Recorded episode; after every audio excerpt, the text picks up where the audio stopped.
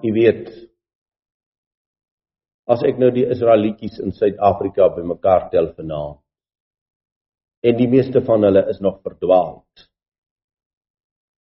En die meeste van hulle is nog roekeloos en onverskillig in hulle lewe. En ek kyk na my eie lewe en ek sien die treurigheid van my eie lewe. Dan stap ek soos eendag op die plaas en dan vra ek: "Ja, wie sê net vir my, waarmee is ek tog besig?" Ag, Jawe. Waarom? In hierdie tyd 'n woord wat so anders is as die totale magtige Christendom van die aarde. Dit is asof Jeremia uitroep: "Waarom hierdie te vergeefse daad? Waarom moet ek grond koop? Moet ek gewoonweg lewe? Wat is tog die sin daarvan?" Wat moet hy tog maak met 'n stuk grond in 'n verlore land? Maar Jawe, geen ding is vir u te wonderbaar. Groot en magtig is u o Jawe van daad. Vir Jeremia op daardie oomblik is die saak net te ver gevorder. Daar is geen hoop meer. Jawe het dit vir hom gesê. Hoe dat hy met hierdie volk sal handel? Jeremia weet wat is die uitloop van die pad. En nou in sy krisisuur. Wanneer die dinge vir hom net te veel word, dan wil hy weet. Dit is u opdrag. En dit is u opdrag terwyl die land in die hand van die Galdeërs is. 'n Mens sal nou vra, Het Jeremia dan toe hy die eerste opdrag van Jawe kry en toe hy nou die grond koop, het hy dan in ongeloof gehandel? Was daar dan huigelagtigheid by hom? Nee, geliefd. Jeremia het gehandel in opdrag. Maar skielik nadat alles gedoen is en hierdie hierdie koopbrief verseël is in die erde pot en weggebêre is, Skielik is daar in sy hart 'n geweldige krisis oomblik. Hierdie man wat sulke diep verwagting het, hierdie man wat sy volk so uitnemend liefgehad het, wat uitroep as my oë fonteine is, sal ek nie ophou beween die gevalle dogters van my volk nie. Hierdie man wat so gepluk het by Israel, by die koning van Israel, Hy wat so onbevrees die waarheid gedra het. Hy staan in hierdie donker en in die wanhoop van sy tyd. Dit is Jahwe se opdrag. Dit is tog nie sy eie gees nie. Dit is tog nie sy eie beplanning nie. Geliefdes, hierdie dinge waarmee u en ek besig is, in die klein getal wat ons is, is 'n groot saak.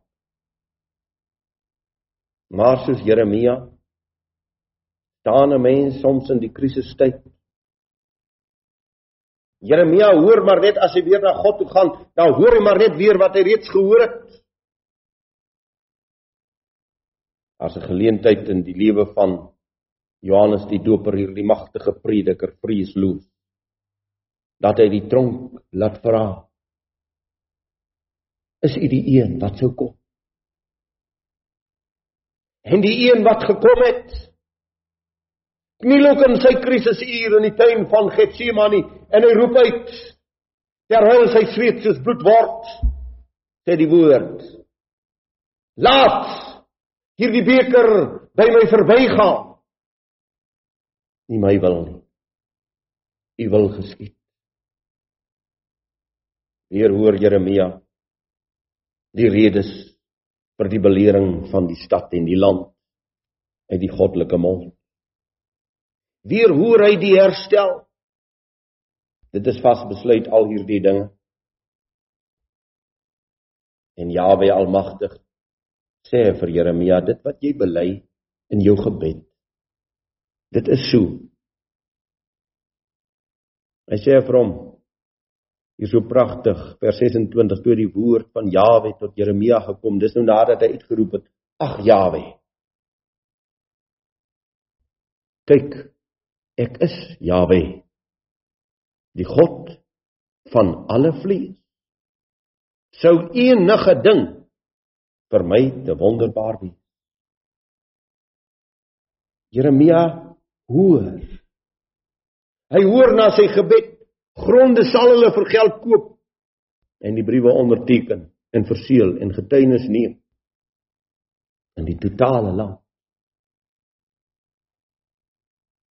Jeremia in sy krisis u wat vir God sê daar is niks vir u te wonderbaar. Maar ag Jawe magtig as die woord van Jawe tot hom kom. Wonderlik geliefdes as die woord van Jawe in hierdie tyd tot ons kom. En God nie vir Jeremia kom sê: "Die stukkie grond wat jy gekoop het, jy sal dit geniet. Jy sal dit sien nie."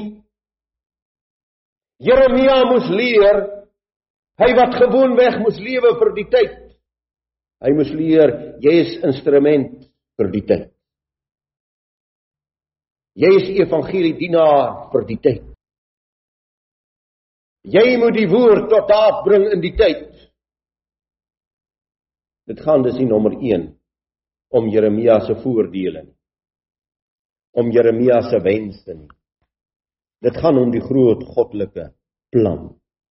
Dit gaan om God se daad, God se eer, God se magtige plan, sy straf en sy genade. En Jeremia se gebed loop uit op 'n stilte. Op 'n geloofstilte. Jawe handel en Jawe sal handel. Is pragtig as 'n mens nou die hoofstuk in sy geheel lees, geliefdes. Jawe gee nie vir Jeremia 'n oplossing vir sy krisis nie, vir sy persoon nie, vir sy stukkie grond nie. Jawe gee vir hom 'n oplossing vir die volk vir die plan wat voor lê